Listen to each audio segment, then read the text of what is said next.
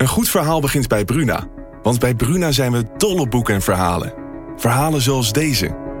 De slagen van de noodklok dreunen over het dorp. Zwaar en dreigend.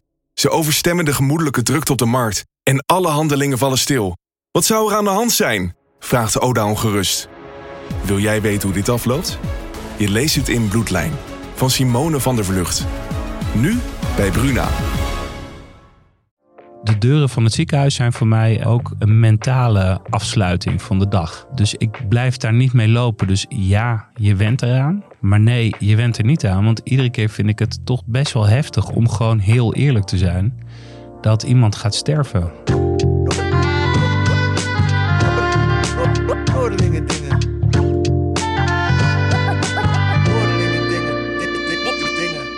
Welkom bij Noorderlingen Dingen, de podcast waarin ik praat met Noorderlingen over dingen. Ik ben Colin Mooijman en ik zit in de studio met longarts en schrijver Sander de Hosson.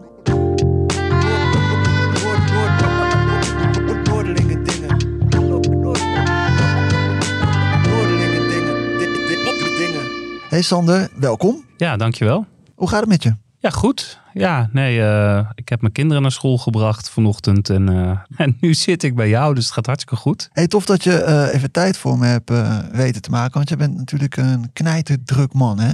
Ja, ik heb het niet rustig, laat ik het zo maar zeggen. Maar dat vind ik ook leuk en ik doe het ook zelf. Dus ja. Ja, je doet het jezelf aan. Want je bent Ja. natuurlijk longarts bij Wilhelmina ziekenhuis in Assen. Ja. Maar daarnaast eh, eh, schrijf je en, en ben je natuurlijk ook oprichter en kartrekker van eh, de stichting Karend. Ja, Carent is een, ja, is- ja, het is een zorgplatform voor en door zorgverleners. En we hebben eigenlijk een heel belangrijk doel. Wij willen palliatieve zorg willen we groter maken, bekender maken. Dat meer mensen nadenken over ja, wat palliatieve zorg is. eh, Zowel in maatschappij als ook in de medische en verpleegkundige wereld. Ja, wat palliatieve zorg is. Palliatieve zorg is alle zorg voor mensen met een ongeneeslijke ziekte. En richt zich niet alleen op het verlichten van eh, lichamelijk lijden, van pijn of benauwdheid. Maar ook op eh, ja, andere facetten die mensen met een ongeneeslijke ziekte doorgaan maken. Dat is bijvoorbeeld ja, psychische klachten, angst of, of depressieve gevoelens. Eh, sociale problematiek. Hè. Mensen, de druk op de mantelzorger wordt groter als, eh, als mensen dit eh, ja, gaan doorlopen. Of ook kinderen die te maken krijgen met het verlies van hun ouder. En het vierde aspect van palliatieve zorg is zingeving. Iedereen krijgt in meer of mindere mate te maken met zingevingsproblematiek. Je loopt tegen levensvragen aan. En met palliatieve zorg, alle zorg voor mensen die niet meer beter zullen worden, uiteindelijk dood zullen gaan. En alles wat daarbij komt kijken. Waar komt dat vandaan, die passie voor die palliatieve zorg? Nou, vooral uit een soort eh, eh, gebrek aan aandacht voor dit onderwerp. Hè. Toen ik een jonge dokter was, ik, ik ben in het Martini ziekenhuis opgeleid. Ik liep daar over die gangen heen. En ik kan me nog heel goed herinneren dat ik op een gegeven moment een vrouw, eh, daar was ik de dokter van, de zaaldokter. En ik kwam bij haar en ze had longkanker. Ik denk dat ze zo midden 60 was. En die vrouw die was heel ziek. Ze was heel benauwd. En eh, op de foto's en op de scans zagen we gewoon dat de kanker eigenlijk eh, ja, enorm doorgegroeid was. Dus die vrouw ging dood. En dat wist iedereen, behalve die vrouw. Mm. En zij vroeg op een gegeven moment, op een ochtend vroeg zij aan mij van... Hey, dokter, hoe, hoe, gaat, hoe, hoe gaat het nou verder met mij? En ik vond het zo absurd eigenlijk dat niemand, hè, niemand op de polykliniek, op de spreekuren aan die vrouw verteld had dat ze dood zou gaan. En ik was net begonnen. Ik wist ik veel eh, hoe ik dat moest zeggen. Dus ik ben naar mijn supervisor gelopen. En die zei tegen mij, eh stuur haar maar naar huis, want ze gaat sterven. En eh, bel vooral de huisarts dat die dat gaat begeleiden. Toen dacht ik, ja, die vrouw weet nog steeds van niets. Dus ik ben, ik ben naar haar teruggelopen en ze, ze keek me aan. Ze stelde de vraag opnieuw en ik zei, u gaat inderdaad dood. En ik was totaal niet opgeleid en totaal niet voorbereid op dit gesprek. En ehm, ik, ik miste daar echt, want ik zag haar reactie van godzijdank zegt iemand het tegen mij. Ja. En daar heb ik heel veel van geleerd, van die, van die casus eigenlijk. En die vrouw, ik ben bij haar blijven zitten. Ik heb volgens mij wel een half uur met haar gesproken. Vooral haar dank dat ze eh, gewoon kennis had over wat haar te gebeuren staat. Eh, en we spreken over 2004. Het is, het is al twintig jaar geleden hoor. Maar ik dacht van ja, dit moet en dit kan heel anders. En waarom praten dokters, verpleegkundigen vooral over de behandeling? hoe kunnen we die tumor kleiner maken en niet over de olifant die in de kamer staat? Dat is namelijk dat mensen uiteindelijk dood zullen gaan. Het mantra van een dokter is natuurlijk: wij, wij moeten genezen. Daar zijn wij voor, als, als dokter zijn wij daarvoor. Nou, dat geldt natuurlijk heel vaak wel, maar heel vaak ook niet. Want heel veel ziektes zijn niet te genezen. En daar ga je uiteindelijk dood aan. Ehm, en ik vind het allebei belangrijk. Hè? Die, die, die behandelingen zijn belangrijk. Hè? Uiteraard willen we mensen beter maken, tussen, tussen aanhalingstekens. Maar ik vind vooral ook kwaliteit van het leven heel erg belangrijk. En dat, dat is waar ik eigenlijk mijn pleidooi voor hou. Van laten we ook daarnaar kijken. En, en je kan door middel van goed praten over wat er gaat gebeuren in de toekomst, kan je heel veel rust geven. Mag ik daar één voorbeeld voor geven? Zeker, mag ja. Wat ik als, als longarts heel vaak meemaak is dat mensen uh, bang zijn om benauwder te worden. En om uiteindelijk te stikken. Je hebt eh, COPD of misschien longkanker. Je hebt daar al benauwdheidsklachten van. Die nemen ook nog eens toe in de tijd. Dus dat is een hele invoelbare en ook wel een hele ja, bijna existentiële angst. Hè? Dat, dat van dokter, als, ik, als dit verder gaat, dan stik ik. Gaat dat echt gebeuren? Ja, en ik denk dat een stikkingsdood, tenminste dat, dat zit toch wel in je gedachten, dat, stik, dat een stikkingsdood een hele heftige is. Dat kan ik me heel goed voorstellen. Ja. Ehm, alleen het gebeurt niet. Mensen die sterven stikken niet. En, en die boodschap, hè, je gaat niet stikken, daar zit een enorme kracht in, vind ik. Als je mensen daar iets over kan vertellen, uh, dan geeft dat echt rust. Ja. En dat is denk ik een van de grootste krachten van goede palliatieve zorgverlening. Het praten over wat er gaat gebeuren. En ook voor een deel die angst wegnemen. Waardoor het, ja, het inktzwarte scenario voor jezelf iets minder inktzwart wordt. Ik bedoel, het blijft allemaal heftig. Maar we kunnen ook vertellen wat er niet gebeurt. Ja. We praten straks uh, verder over dit, uh, dit onderwerp, ongetwijfeld. Ja, je, je, weet eigenlijk nooit waar, waar kant zo'n gesprek op gaat. Maar ik heb zo'n vermoeden dat we hier wel weer terug naartoe cirkelen. Even wat anders. Ik vraag chat GPT in elk gesprek om een introductie over de gast te schrijven. En dat heb ik ook bij jou gedaan. Oh, wat grappig. Ben je benieuwd? Ja. Sander de Rosson is een gepassioneerde Nederlandse longarts die zich onderscheidt door zijn toewijding aan de palliatieve zorg en empathische benadering van patiënten. Met een diep begrip van de fysieke en emotionele aspecten van ernstige ziekten, heeft hij zich ingezet om het levenseinde van patiënten comfortabeler en waardiger te maken. Als auteur en spreker deelt Sander zijn inzichten en ervaringen om een beter begrip van palliatieve zorg te bevorderen. Zijn werk heeft een blijvende impact op de medische gemeenschap en inspireert anderen om de menselijke kant van de geneeskunde te omarmen. Wauw. Ja. Hoe verzint hij dit eigenlijk? Dat haalt hij uit interviews of zo? Uh, ja, volgens mij gebruikt het systeem allerlei uh, documentatieartikelen uh, die online staan, weet ik veel. Ja. Verzamelt hij. En mijn vraag was: schrijf vier zinnen over Sander de Hossen. En daar heeft hij wel een mooi verhaaltje van gemaakt. Nou, dat vind ik ook. Die ga ik kopiëren. Ja, ja. is er iets wat we kunnen toevoegen? want het is een zelflerend systeem, hè? dus we kunnen iets, iets toevoegen aan, aan dit verhaal. Nee, ik, ik, ik vond het heel compleet. Ik, ik, ik denk wel één ding. Hè. Palliatieve zorg gaat niet alleen over de laatste levensfase. Het gaat ook over dat hele traject wat ervoor zit. Uh, dus, dus we onderscheiden echt zorg in de, in de stervensfase. Echt, grofweg de laatste twee weken van het leven. En dat hele traject wat ervoor zit. Uh, dat, dat is vaak wel een misvatting. Hè. Palliatieve zorg begint eigenlijk op het moment dat je de diagnose van een ongeneeslijke ziekte die tot de dood leidt, uh, als je die krijgt, dan begint palliatieve zorg. Dus vanaf het, wat je dan een slecht nieuwsgesprek? Vanaf het slecht nieuwsgesprek, eigenlijk, ja. Zo'n slecht nieuwsgesprek, hè? Ja, het is een beetje raar misschien, maar hoeveel van dat soort gesprekken heb jij, uh, heb jij in je leven gehad? In mijn leven? Ja. Ik, ik dacht dat je per week zou vragen. Ik denk per week, nou, drie, vier, vijf.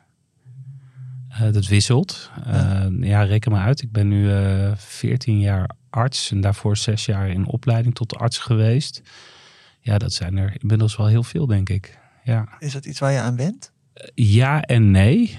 Je went eraan. Dat moet ook. Want ik moet ook gewoon uh, weer naar huis toe. Uh, de deuren van het ziekenhuis zijn voor mij uh, ook een mentale afsluiting van de dag.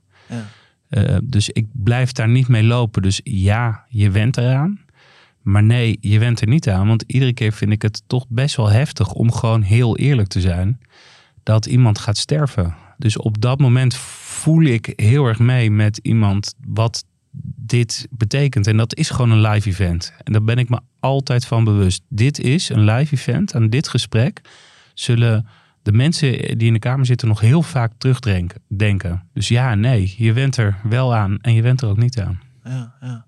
ja want je bent een, dat, dat zei de computer, dus het is zo, empathisch uh, persoon. Ik, ik zie het nu ook, als ik met jou praat, dan zie ik dat je gewoon, ja, je bent een, een emotioneel mens. Ja, je zegt als de deuren van het ziekenhuis dichtgaan, dan, dan, dan laat ik het daar. Ja, en daar blijft het ook. Dat, hoe? Is, dat, dat, is, ja, weet ik niet. Ik werk in Assen, ik woon in Groningen. En uh, ergens uh, op die A28 met de nodige muziek uh, kan ik echt heftige situaties kan ik heel goed afsluiten. Dan draai je een raampje open. En dan, ja, ja. Dan, en dan wijt het. Dan wijt het gewoon weg. Komt het ergens in, in bij Eelde? Eelde of bij Friese komt het in het weiland, denk ik. Dus daar liggen verhaaltjes. Ja. Nee, ik vergeet het. Ik, ik vergeet het. En dat is maar goed ook, want anders kan ik gewoon dit werk niet doen. Nee, nee, nee, precies. Nee, dan lig je er binnen de kortste keren natuurlijk af. Correct, ja. ja. Wat voor muziek zet je op in die auto? Ja, ik heb echt een hele slechte muzieksmaak. Ik vind uh, dingen als Adele of ABBA of het maakt niet uit. Nou, Adele is toch heel gaaf? Kom het op. is heel gaaf, maar het, is, het valt niet in het hippe mainstream uh, van oh noem eens een coole band. Nee, ik, ik hou daar gewoon van. Ik vind dat gewoon fijn. En uh, zeker na een rotdag hè, uh, gaat hij wat harder. Ja, en dan ook meezingen? Uh, voor zover ik de tekst ken, zing ik mee. Ja. Met Adele? Met Adele. Hey, um, nog even wat basics, Sander. Jij bent geboren op 2 september 1977 te Utrecht. 46 jaar maakt jou dat. En je groeide op in Putten, hè? Ja. Hoe was het opgroeien in Putten? Dat is toch een, ja, dat is een beetje een soort bijbelbeldachtige plekje, toch? Ja, volgens mij zelfs het hoofdkwartier van de SGP. Of althans, er zijn vaak partijcongressen. Oh. Um, het uh, ligt op de Veluwe, in de bossen. Het is daar echt prachtig. Uh, ik zat uh, inderdaad op de school die heet Bij de Bron. Dat zegt al heel veel. Dus het was echt wel een, een, zwaar christelijke basisschool. Ik moet heel eerlijk zeggen, ik heb dat toen nooit echt als een probleem gezien. Want ik heb heel veel geleerd van de Bijbel bijvoorbeeld ook. En ik, ik, de, de waarden en de normen van de christelijke cultuur heb ik echt met de paplepel ingegoten. Mijn, mijn, mijn ouders waren helemaal niet zo christelijk hoor. We gingen wel naar de kerk op zondag. Maar uh, ik heb, vind ik, daar best wel veel aan gehad. Gewoon, uh, gewoon ja, het was, het was een st relatief strenge school. Wat, wat is dat wat je eraan hebt gehad dan? Nou, die, toch die normen en die waarden, die medemenselijkheid, dat zit, dat zit daar natuurlijk ook allemaal in. Um, ik vond dat heel fijn en ook wel heel leerzaam eigenlijk. Uh, dus ik dat ja. En weet je, als je terugkijkt, hè, het was natuurlijk het. Uh, ik weet dat de vereniging van het ongeboren kind kwam elk jaar op school om te vertellen hoe, hoe slecht abortus was. Uh, dat was gewoon, dat, dat, dat, was, dat was natuurlijk de situatie. Achteraf denk ik daar heel anders over. Ik, ik leefde, mijn ouders waren, we gingen zondag naar de kerk, maar niet heel streng. En zeker toen mijn zus heel goed kon tennissen, toen zaten we elke zondag op de tennisbaan. Dus dat, dat vervloog ook vrij snel.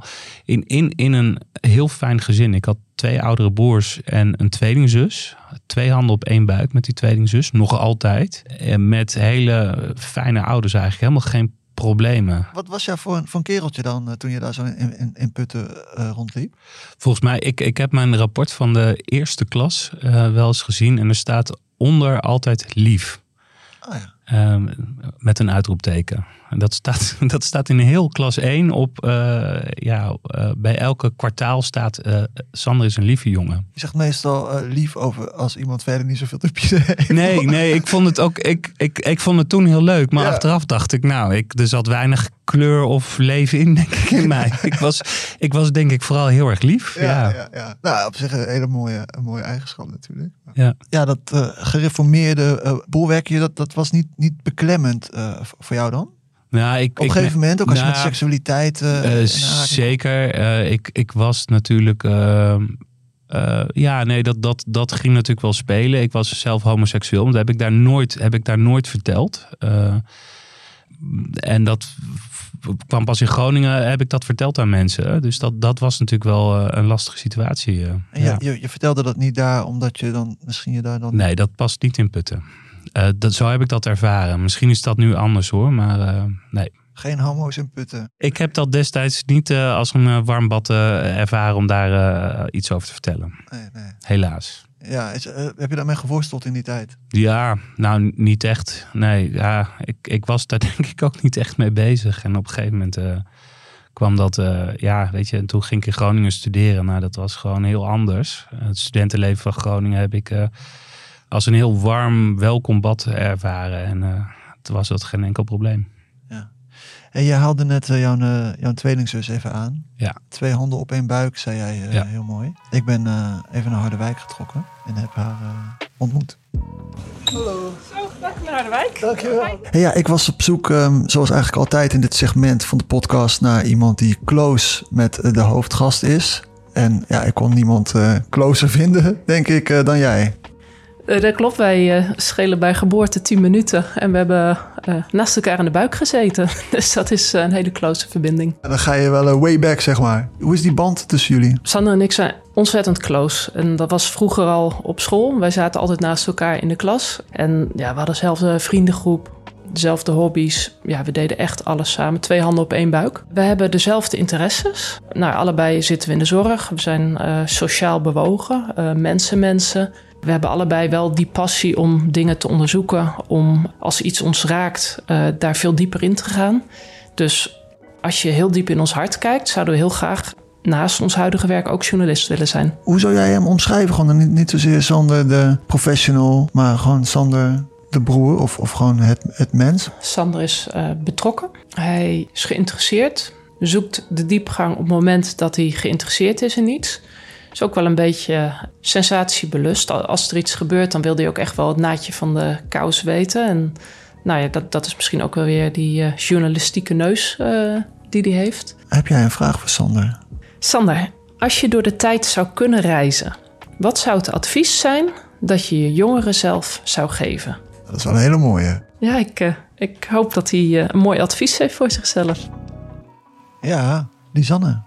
Ja, wat gaaf dat je haar gesproken hebt. Ja, ja was heel leuk, ja. Sensatiebelust. Dat is zij zelf ook absoluut. Misschien hebben we dat. Ik weet wel vroeger dat als er. Toen waren we heel klein. En dan was er, ging de brandweer in Putten. Ging, uh, um, die, die rukte uit. En dan reden wij er achteraan. ja, dat was echt. Dat vonden wij. Uh, ja, nee, dat kan ik me nog wel herinneren. Nou, ik. Wat zij ook zei, ik, ik, ik heb altijd journalist willen worden. Uh, dus ik zat altijd in, in alle blaadjes en, en uh, van, van verenigingen waar ik bij zat. En dan schreef ik daarvoor. Um, dus en op een gegeven moment, ik ging geneeskunde studeren omdat mijn ouders vonden dat ik geneeskunde moest studeren. En ik weet nog heel goed dat ik in het eerste jaar zat, dat ik uh, ze opbelde. Ik zei, nou, ik stop met geneeskunde, want ik ga journalistiek doen. Dat vind ik uh, veel interessanter. En ik zie mezelf later als journalist. Nou, mijn ouders zeiden, je gaat helemaal niet uh, stoppen met geneeskunde. Je gaat gewoon hiermee door. En ik deed dat dus vervolgens, omdat mijn ouders dat zeiden. Uh, overigens ben ik daar heel blij mee hoor. Maar mijn ouders zeiden, journalist verdient helemaal niets. Oh ja. Colin.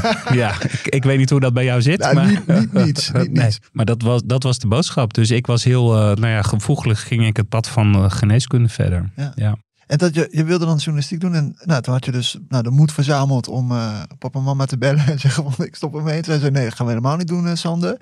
Of was het dan dat je dan uh, gewoon naar ze luisterde? Of was het ook dat je, dat je wilde pleasen? Dat je denkt van nou ja, ik doe het. Nee, ik, ik luisterde gewoon. Ja, ja ik was, je was gewoon braaf. Ik was braaf. Ja, ik was lief.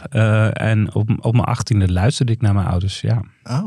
Ja, en mijn broer zei het ook. En die studeerde al in Groningen. Dus uh, toen dacht ik, nou, die zal het wel weten. Dus uh, ja, zo ging dat toen. Ja, ja, ja. Ik hoorde van, van je zus, die, die zei ook van dat het jouw moeders wens was eigenlijk om geneeskunde te doen. Want dat zij dat niet heeft kunnen doen. Ja, mijn beide ouders hadden vroeger arts willen worden. Ah. En vooral mijn moeder. En toen leerde mijn moeder mijn vader kennen. En toen is eigenlijk haar droom vervloog omdat ze eigenlijk ook een gezin wilde hebben. Dat is altijd wat ze verteld hebben.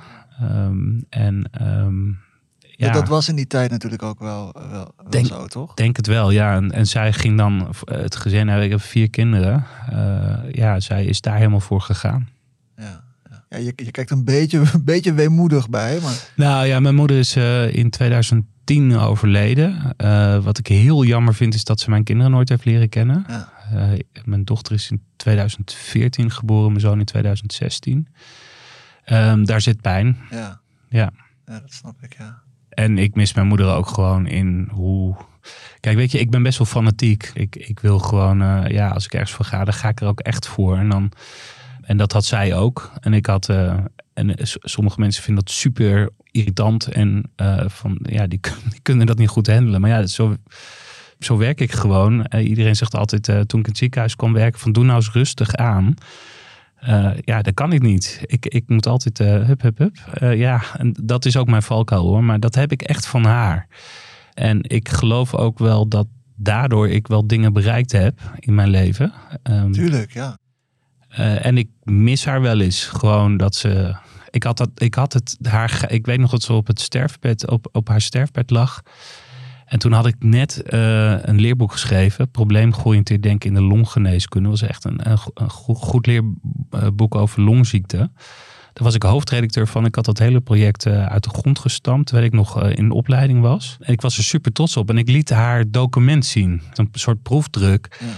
En ik weet nog dat ze nauwelijks daarop reageerde. Daar heb ik wel verdriet over gehad. Ik had zo graag gehoopt dat ze zou zeggen: Jeetje, dat vind ik gaaf, Sander, wat je hier gemaakt hebt. Dat was een, van mijn eerste dingen die ik eigenlijk op dit vlak deed. Eh. Ja. Ja. Maar, maar, ze was niet fit genoeg meer om. Nee, ze had een, eh, ze had een hersentumor en uh, veel uh, vocht in haar hoofd. Uh, en we wisten dat ze zou gaan sterven. En ja, ik heb, dat vond ik jammer dat ik dat niet heb kunnen laten zien. En ik vind het nog veel jammerder dat ik mijn kinderen niet heb la kunnen laten zien aan haar. Ja, ja. Was het overlijdensproces van jouw moeder ook een moment waarop jij anders naar die, naar die palliatieve zorg of naar die zorg bent gaan kijken? Ik was, ik was er toen al best wel mee bezig. Uh, het was wel leerzaam om aan de andere kant van de spreekkamertafel te zitten.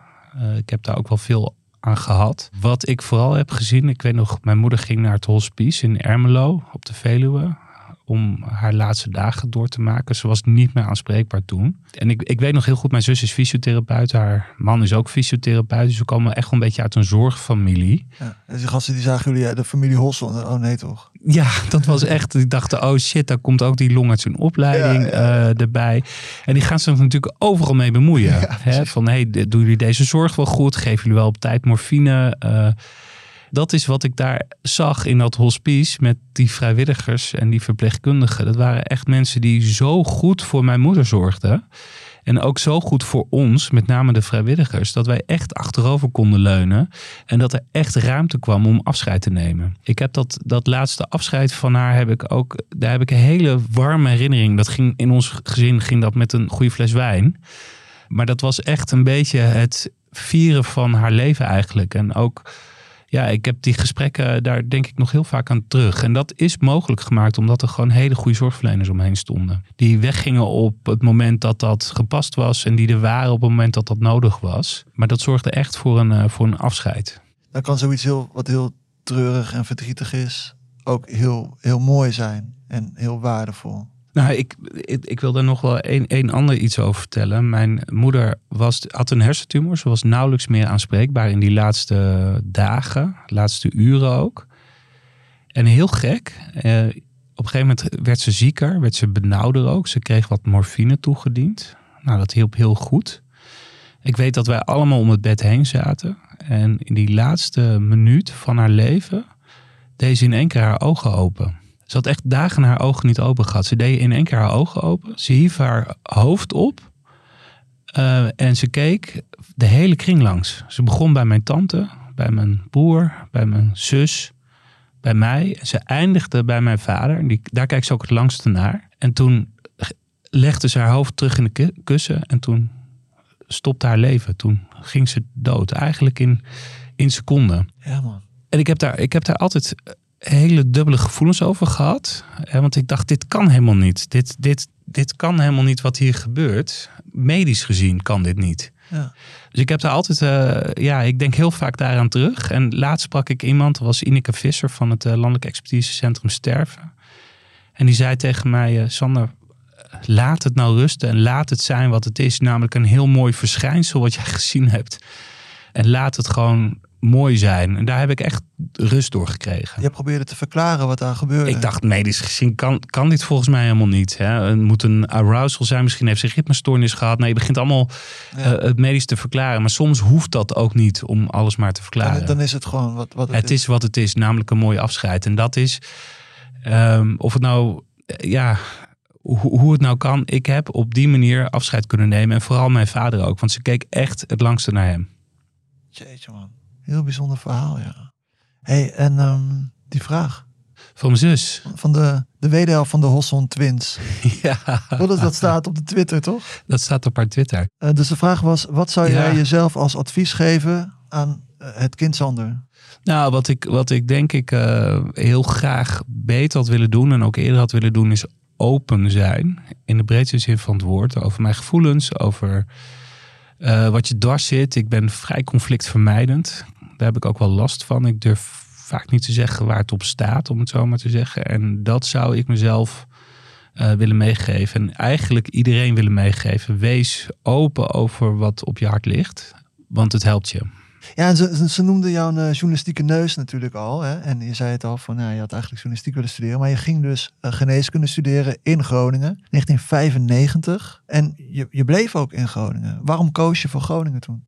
Omdat mijn broer hier studeerde. Ja, En die, ik was wel eens mee geweest. Ik weet dat ik in de zomer kwam ik bij Noorderzon. Dat was in 1994 of zo. Ja. Dat was nog niet zo groot als dat het nu is. Eh, maar ik dacht, jeetje, die sfeer hier is te gek gewoon. Dat park is prachtig. En hij vertelde altijd hoe leuk het in Groningen was. En hoe ontzettend hij het naar zijn zin had. Dus ik ben met liefde naar Groningen gegaan. En ik ben met liefde ook altijd in Groningen gebleven. ja en je ging in je studententijd eh, eh, ging je bij eh studentenvereniging Descartes. Zeker, ja. Hoe, hoe kijk je terug op die studententijd? Wat voor, wat voor een student was jij? Nou, ik ging nooit naar college. Ik ging altijd naar de universiteitsbibliotheek, de UB. En dat deed ik om te studeren. Eh, maar vooral om mijn vrienden te ontmoeten, van, vooral van Descartes. En we zaten met z'n allen op de derde of op de vierde verdieping. Eh, maar we zaten vooral in de kantine koffie te drinken. Dat was onwijs gezellig. Ik ben nooit naar college gegaan. Dat is ik, in mijn hele studie, vier jaar lang geneeskunde, nooit op college geweest. Ik leerde het gewoon uit de boeken. Maar ze vertelden natuurlijk alle eh, examenvragen. Die kwamen natuurlijk op die colleges wel langs. Dus eh, daar, daar heb ik nooit voordeel van genoten, om het zo maar te zeggen. Ik heb het echt uit, uit de boeken gehaald. Was er een reden dat jij dan niet naar die... Omdat ik het liefste met mijn vrienden in de, eh, Dat vind ik goede reden, ja. ja, in de bibliotheek Ja, zat. ja, ja, tuurlijk. Dus, dus ik was echt een middelmatige student. Ik had volgens mij nou 6,5 om het zo maar te zeggen. Ja.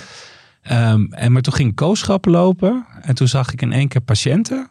Ja, toen ging de wereld voor mij open. Echt waar. Ik heb in het UMCG eh kooschappen gelopen. En ik weet nog, eh, zeker op de spoedeisende hulp. Daar begon ik ochtends om 8 uur bij de overdracht. En ik kan me nog herinneren dat Iwan van der Horstenstad, die is inmiddels eh, hoogleraar IC-geneeskunde, dat was mijn artsassistent supervisor. En die zei om half elf s'avonds van Sander, nu moet je echt naar huis gaan. Want dit is een beetje belachelijk aan het worden. Hoe lang jij. eh, Maar ik zei, ik vind het zo leuk. Ik vind het zo leuk om dit te zien. Ik vind het zo leuk om hier te kunnen helpen. Dus eh, in, de, in de kooschap heb ik alles ingehaald wat ik in mijn studie gemist heb. Ja, maar toen voelde je in één keer ook wat, wa- waar die studie naartoe leidde, blijkbaar. Ja. Van, hey, fuck man, dit is het gewoon. Dit is gewoon wat ik eh, de rest van mijn leven ga doen. Ik heb echt de geneeskunde pas echt ehm, leren waarderen in de laatste twee jaar van mijn studie. En je deed tijdens je studie natuurlijk nog wel allerlei andere dingen. eh, zoals ja, ook, ook schrijven en zo. En je, je, was, je, je was niet alleen maar gewoon lamlendig eh, bezig, toch? Nee, ik zat in allerlei commissies. Ik Ja. heb het eh, Lustrum 2000 georganiseerd met een groep mensen voor Descartes. Ik heb in het bestuur van Descartes gezeten. Ja. Ik zat ook in de, in, bij de faculteitsvereniging Panacea in het verenigingsblad. En dan moesten natuurlijk allemaal moeilijke artikelen over wetenschappelijke dingen geschreven worden. Maar ik was ondertussen Joep van het Hek aan het interviewen, want dat vond ik cool. Die was eh, aan het optreden in, eh, in de stad Schouwburg. Ik wist dat hij in de doelen sliep. Dus ik legde een briefje bij de receptie neer van... hé, hey, ik wil je graag interviewen. Hij vond het kennelijk zo grappig dat hij eh, belde van... nou, ik zit om half twee op de Grote Markt. Eh, kom er maar bij zitten, mag je me interviewen? Nou, dat vond ik natuurlijk veel leuker om te doen. eh. Ja, maar dat is dan die- ook hè, de journalistieke neus. ja, Toch? Ja, Zoals Lisanne dat zegt. Ja. Ah, wat leuk. Ja. En ook, en ook, ook soort van, hè, wat jij ook hebt van, nou, ik moet het gewoon doen. Ik moet gewoon dingen doen. Niet, niet afwachten, niet treuzelen, gewoon bam. Gewoon nee, doen. nee volgens, maar volgens mij is dat het leven. Je moet, eh, ehm, je moet ervoor gaan en vaak ook buiten de box waar je in zit. Ja. Want daar, daar gebeurt het. En ehm, ja, als je succes wil hebben in wat je doet, ja, dan kan dat soms heel ongemakkelijk zijn. Want je gaat soms over eh, ja, buiten die box waar het soms heel ongemakkelijk voelt. En dat, dat heb ik wel leren voelen. En ehm, het is leuk om een, uh, een boek te schrijven. Ik heb de columns in het Dagblad van Noorden werden enorm veel gelezen in 2017, 2016. Ja. Dat is heel leuk, maar dat is ook ongemakkelijk, want iedereen vindt er wat van. En iedereen vindt iets van jouw werk. En, uh, maar ik heb altijd gedacht, nou, het boeit me niet. Het doel is voor mij heilig en uh, dat is waar ik voor ga. Ja. ja, het is misschien een beetje een cliché of zo, toch? Maar ik denk dat als dingen ongemakkelijk zijn, dat dat juist de dingen zijn waar je van groeit of van leert. Of... Maar dat is precies waar je het meeste van leert. Toch, dat, dat is eigenlijk de sweet spot, vind ik zelf ook. Ja. Hoe, hoe is het voor jou om dat nu zo allemaal met elkaar te combineren? Zeg maar, jouw, jouw werk als arts, de, de wens van jouw ouders eigenlijk uh, uit te voeren. In die tijd dan niet de journalistiek op zijn gegaan. Maar dan nu wel toch ook echt wel journalistiek werk te verrichten eigenlijk. In ieder geval echt prachtige en, en eerlijke verhalen te schrijven en te vertellen. En met je stichting een hele belangrijke maatschappelijke bijdrage eh, te leveren. Valt, alles voor jou nu een beetje op zijn plaats, zeg maar? Ik, ja, nou, ik heb daar nooit zo over nagedacht. Maar nu je het zegt, ja, nee, het valt in elkaar. Dit is uh, mijn bestemming eigenlijk. Uh, nou lijkt het net of ik al zelf dood aan het gaan ben. Uh, maar dit is wat ik heel graag gewild had. En ik, ik ja, hier komt het samen. Ja, je, je bent sowieso meer dan alleen maar de longarts, maar je bent ook publiek figuur eh, geworden. Hoe is dat voor jou? Hoe, ga je daarmee om? Nou, ik heb daar een absoluut een haat-liefde relatie mee. Ik zie mezelf als een middel om een doel te bereiken. Sommige mensen dichten me een heel groot ego toe. Nou, dat herken ik niet bij mezelf. Dat zie ik ook eigenlijk niet zo aan. Nee, maar ja, dat wordt soms gezegd. Uh, ik wil het echt. Er zit echt een diepe drive om dingen beter te maken. En, en zeker die uh, zorg voor mensen die ongeneeslijk ziek zijn. Ik vind het heel lastig om. Uh, ik kan me nog herinneren dat ik ben gestopt met die columns. omdat ik op, op de grote markt herkend werd. En daar had ik, dat vond ik echt vervelend. Wat vond je daar vervelend? Nou, omdat het niet om mij ging. Maar dan zeiden ze van: hé, hey, mooi Sander. ja, wat een mooie. Mooi stukje, mooi, verhaaltje geschreven. Ja, ja, eh, dat was een mooi verhaaltje geschreven. En, uh, en, toen dacht ik, maar jij, jij kent mij dus van de foto. En dat, ik merkte dat ik daar een beetje op uh, stuk sloeg. Ik zou nooit echt een bekende Nederlander kunnen zijn. Dat, uh, dat zou ik niet willen. Voel je in ieder geval niet gemakkelijk bij? Ik voel me er niet gemakkelijk bij. Dat past niet helemaal bij mij als persoon. En dan zit je dan ook nog in deze podcast, joh. Ja, dat vind ik heel leuk. Uh, en ik heb uh, warme gevoelens bij het Dagblad van het Noorden. Als deze podcast uh, straks gepubliceerd is, dan weet ik niet of jij dan nog over straat kan, Sander. Ja, jij hebt zo'n rottige camera hier neergezet, hè? Ja. Hey, de studententijd is natuurlijk ook de tijd om ehm, vrienden voor het leven te maken. Ja, zeker. Ja. Nee, ik heb vrienden voor het leven gemaakt in mijn studententijd. Ja. Heb je nog meer mensen geïnterviewd? Ja, het is even een bruggetje. Oh, jeetje. Komt-ie. Ja, jij bent, jij bent echt uh, een van Sanders beste vrienden, toch? Uh, ik ken Sander 24 jaar, 14 februari 99. Oh, je weet de datum gewoon nog? Ja, maar mijn relatie ging uit. en toen hebben we, heeft hij me opgevangen. En toen sindsdien is het eigenlijk een hele goede vriend. En uh, ja, kunnen we erg goed met elkaar lachen en weten waar we voor elkaar moeten zijn. Wat was het van tijd? Toen, toen, toen waren jullie studenten? we waren studenten en we woonden in dezelfde straat ja, mijn relatie ging uit. En Sander was zelf ook net vrijgezel. Dus die zat ook in hetzelfde bootje. En toen konden we een beetje aan elkaar optrekken. En uh, een beetje steunen in die periode. Hoe zou jij omschrijven hoe, hoe Sander zeg maar nu is? Wat voor, wat voor persoon hij nu is? Chaotisch soms. in welk opzicht chaotisch? Nou, soms de verkeerde prioriteiten stellen. Ja, af en toe is het een een chaotje. Nee, maar dat is... Een chaotje, ja, mooi. Ja, nee. Dus uh, je merkt soms dat hij ergens met zijn hoofd al bezig is met een andere ontwikkeling. Of uh, dit moet er gedaan worden, terwijl hij dan niet zozeer in het nu zit. Het is, het is, het is veel wat er moet gebeuren. En uh, ja, dan, moet, dat, dan moeten soms dingen blijven liggen. En je kunt natuurlijk niet alles, alle ballen omhoog houden. Heb jij een, heb jij een prangende vraag voor Sander? Ja, hey Sander, Bembo hier. Ik heb een vraagje. Wanneer ga je nou eens die lekkere klassieke Sander pasta salade maken?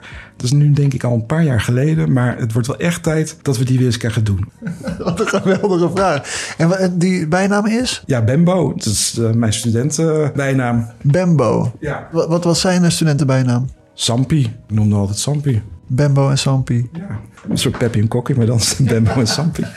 Super. Hey, dankjewel man. Heel leuk je te spreken. En uh, ja, uh, mooie vraag. Pasta salade. Sanders pasta salade. Sanders recept. Ja, Sanders pasta salade. Sampi en Bembo. Wat een, uh, ja, dat lijkt me een, een, ja, een, mooi, een mooi duo. Ik noem hem nu uh, Loedertje hoor. Maar, Loedertje. ja. Hij heeft een andere naam gekregen bij mij, maar ik noem hem ook wel Bembo. Ja, ja, ja grappig toch? En uh, chaotje, zei hij. Ja, nee, dat herken ik zeker. Ja, weet je, ik, ik probeer altijd veel ballen in de lucht te houden. En uh, af en toe valt er een bal. En dat is chaos. Ja. Wat gebeurt als die bal valt dan? Uh, meestal niet zoveel. Uh, of is iemand boos. Um, ja, en dan probeer ik dat weer op te lossen. Ja, ja. Dat, dat, is uh, collateral damage als je heel gedreven bent, denk ik. Ja, en als je echt veel dingen tegelijkertijd doet. Ja. Met volle overgave. Ja. Dan kan niet altijd alles goed gaan. Ja. Nou, ik heb nu een soort uh, secretaresse die voor Carent werkt. En die doet mijn agenda beheer. En sindsdien gaat het in één keer goed. Ik heb wel eens dat ik bijvoorbeeld twee spreekbeurten... Uh, dat ik uh, in Utrecht een spreekbeurt moet geven en in Groningen. Ja. Dat vind ik heel vervelend. Dat is een paar keer gebeurd. Want dan ga je twee, drie weken van tevoren zeggen... oh shit, ik heb hier verkeerd gepland. Nou, dat gebeurt nu gelukkig uh, zelden meer. Ja, dus heb je hulp uh, nu voor Ik heb hulp, ja, ja. daarvoor. Ja. ja. En um, die vraag. Nou, we gaan over twee weken gaan we met onze vriendengroep naar Giethoorn. Dat doen we ieder jaar. En ik beloof plechtig dat ik daar de koude pasta salade ga maken. Gaan even navraag doen of dat uh, gelukt is, Sander. Anders moet je die secretaresse maar eventjes uh, inschakelen. Dat inplannen. Ja, ja inplannen pasta salade maken. Hey, um, ja, even wat naar de wat recentere geschiedenis. De coronatijd 2020 was voor iedereen natuurlijk een hele vreemde tijd. Maar, maar ja, als longarts, jij, jij, jij wist natuurlijk veel meer van het virus. Al lang voordat, voordat de rest van Nederland daar, daarvan afwist. Ik had al heel snel in het vizier dat dit uh, echt een heel groot probleem zou worden. Dus ik volgde dat ook wel echt op de voet. Uh, ik zat natuurlijk in het ziekenhuis uh, in Assen. En ik weet nog dat ik naar de raad van bestuur ben gelopen op een gegeven moment. Ik zei, jongens, we moeten ons echt gaan voorbereiden. Dat was denk ik half januari of zo. Dus kwamen we ook bij elkaar met een groepje de microbioloog en de, de communicatieafdeling. Nou, echt een, soort toch wel een beetje crisisachtig team. En wat ik vooral voelde daar was uh, van, ja, zover, zover gaat dit niet lopen. We hebben dit al eerder gehad. En ik was daar totaal niet van overtuigd dat het goed zou komen. En ik, ik ben daar destijds ook wel een beetje stuk op gelopen, moet ik zeggen. Dat ik me echt heel veel zorgen maakte. Ik was onzeker over wat er gebeurde. Ik, ik ben nog een paar dagen thuis gebleven ook toen, omdat het... Uh, voor het eerst in mijn leven uh, zag ik de grenzen van wat ik kon of zo. Ik heb slaapmedicatie gebruikt in die dagen. Heb ik nooit gedaan, maar toen wel.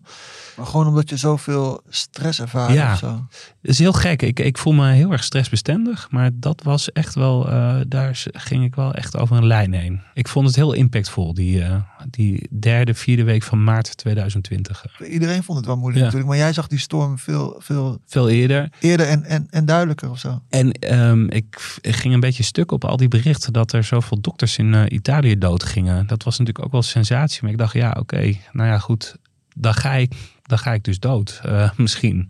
Ja. En dat ging allemaal, uh, in de appgroepen gingen allemaal verhalen rond over intensivisten die massaal op de, aan de beademing lagen in Rome en in, uh, in Noord-Italië. dat vond ik ja, heel heftig. Ik dacht, oh jee, ja, ik ben nog niet klaar om dood te gaan nu. Ja. Heel raar, ja.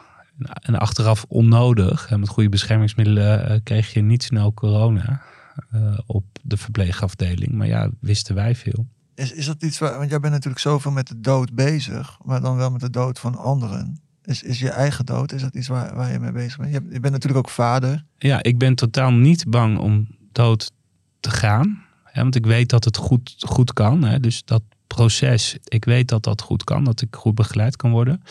Uh, ik ben wel bang om dood te zijn. Uh, niet om mezelf, maar omdat ik twee kinderen heb van zes en afgelopen dinsdag negen jaar oud. Gefeliciteerd. Dankjewel. Morgen slaapfeestje met veertien kinderen. Gezellig. Ik bereid me voor, maar goed. Maar ik ben bang om dood te zijn, omdat ik dan niet kan zorgen dat ze gewoon goed 18 worden. Dus daar, daar, zit, daar, zit, mijn, uh, daar zit mijn angst. Ja. Leer jij iets van het vaderschap of, of van, van je kinderen? Om, hoe, hoe zij naar, nou ja, naar het leven kijken? En, en na de dood misschien? Nou, verschrikkelijk puur. Hè? Vooral mijn dochter van negen, maar ook mijn zoon van zes is er best wel veel mee bezig. Dat was in 2019 is mijn vader ook overleden. Dat hebben ze natuurlijk allebei van nabij uh, meegemaakt. En met name mijn dochter, die was toen vier jaar oud, denk ik. Vier, vijf jaar oud. En we hebben hem natuurlijk begraven en daar praten we best wel vaak over. Hè? Over het gat waar hij dan inging en waar mijn moeder ook al lag. En dat ze dan altijd bij elkaar zouden zijn. En we zijn daarna ook nog wel eens bij die begraafplaats geweest. En ik, ik zie mijn zoontje nog lopen op die begraafplaats. Dat, en hij riep tegen ieder graf dat hij het zo zielig vond. Ik vind het zielig dat u dood bent, weet je. Ah, ja. En die, ja, dat is heel gek. Maar kinderen praten zo puur en eigenlijk zo makkelijk over dood gaan en dood zijn. Dat ik daar heel veel respect voor heb. En dat ik, ik ondertussen ook denk van, hé, hey, ergens ga je dit verleren. Ergens gaat het moeilijker worden om over dood te praten.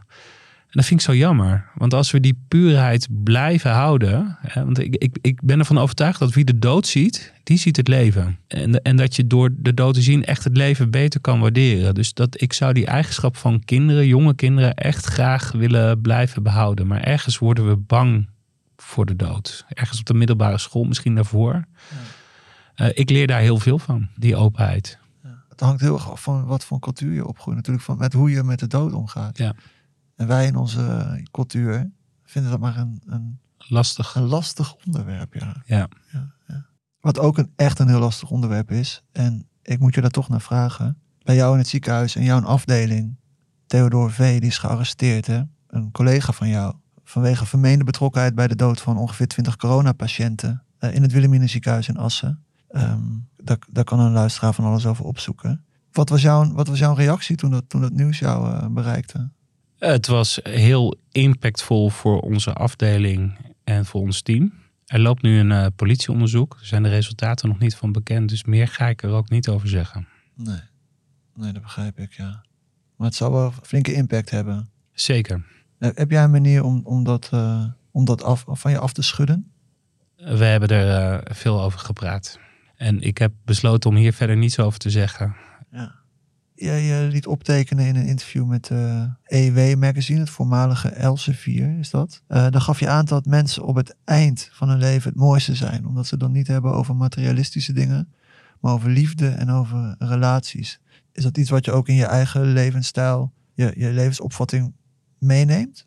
Ja, zeker, ja. Ik vind dat altijd. Er, is ook wel wat onderzoek naar gedaan. Uh, waar hebben mensen nou spijt van? Bijvoorbeeld een heel mooi boek over geschreven. Ik ben even de titel kwijt, maar van een verpleegkundige die twaalf jaar lang naast sterfbedden zat in een hospice. En zij tekende op, zij vroeg aan mensen, waar heb je nou spijt van? En mensen hebben spijt van dat ze hun vriendschap niet goed onderhouden hebben. Of dat ze niet gekozen hebben voor uh, wat ze eigenlijk hadden willen kiezen. In plaats van wat anderen hun opdroeg te kiezen. Dus de meeste spijt gaat echt over re relationele dingen. En uiteindelijk ook over de liefde. Had ik mijn hart maar gevolgd. En dat is wat stervenden tegen ons levenden vertellen. En ik denk dat we dat echt ter harte mogen nemen. En dat, dat doe jij ook? Ik doe dat ook, maar ook ik verzand in de dagelijkse nou ja, realiteit en de dagelijkse gekte. Ja, dat is een constante strijd eigenlijk. Dus het is een soort, soort elastiek. Ja, nee, precies. Dat is een soort, soort elastiek. En ik denk dat we misschien wel beter naar de stervenden moeten luisteren. Alleen, ik, ik denk dat ik dat een halve dag kan doen. En dan is toch die dagelijkse gekte er weer. Ja, ja. Dat is wel, vind ik mooi gezegd dat we naar de stervenden moeten luisteren. Ja. Wat wil je dat er op jouw grafsteen komt te staan? Jeetje, dat vind ik echt de allermoeilijkste vraag. Ik zou de luisteraar willen vragen die vraag ook te stellen. Aan wie? Aan, aan zichzelf. Aan zichzelf. Ja. ja. ik zou. Uh, weet je, ik kan alleen maar in clichés denken over deze vraag. En dan iets van leef. Uh, leef. Uitroepteken. Uitroepteken, ja. Nou, hopen dat die steen nog eventjes nog even, weg blijft. Nog even weg blijft, ja. toch? Ja, ja. En anders laat ik me cremeren. Dan blijft hij sowieso weg. Ja, ja. nou, dan kunnen we natuurlijk op zich nog wel gewoon een mooi die urn graveren. Precies. Leef. hey, um, deze podcast heet uh, Noorderlingen Dingen, hè, waarin ik dus met Noorderlingen praat over dingen. Nou, we hebben uh, over van alles en nog wat uh, gesproken, maar je bent een import Noorderling. Ja. Voel jij je Noorderling? Ik voel me 100% Noorderling. Waar zit hem dat in? Wat, wat is jouw Noorderlingen ding? Nou ja, ik ben Noorderling omdat ik nooit meer uit Groningen weg zal gaan. Daar ben jij vrij zeker van. Ja. Waarom? Wat, wat is dat dan? Eén, er zijn geen files in Groningen of nauwelijks. Twee, mensen zijn eerlijk en nuchter en daar ben ik gek op. En drie, ik woon heel fijn in de stad Groningen. Wat maakt dat jij fijn in Groningen woont dan? Nou, ik vind dat we alles hebben in Groningen. Ik vind het altijd grappig. Als je hard loopt, dan ben je, het is echt opvallend. Binnen twee kilometer ben je de stad uit. Hè? En dan zie je die, die, enorme weilanden en er is niet zoveel om Groningen heen. Uh, maar in Groningen zelf gebeurt het wel. We hebben, we hebben alles. We hebben het Forum. We hebben prachtige bioscoop. Ik ga er graag naartoe. Ja, we hebben gewoon een, eh, een levendige stad. Maar ja, ook gewoon uh, rustige plekken. Ja, ik, ik, ik, denk dat het een paal is. Uh, moeten we maar niet te hard roepen naar mensen uit de Randstad. Want anders komen er veel te veel mensen. maar we hebben een paal hier. Dankjewel man. Dankjewel Colin. En succes met alle, alle balletjes in de lucht. Yes. en de goed aan, de goed aan Bembo hè? Ik doe de goed aan Bembo en de pasta salade.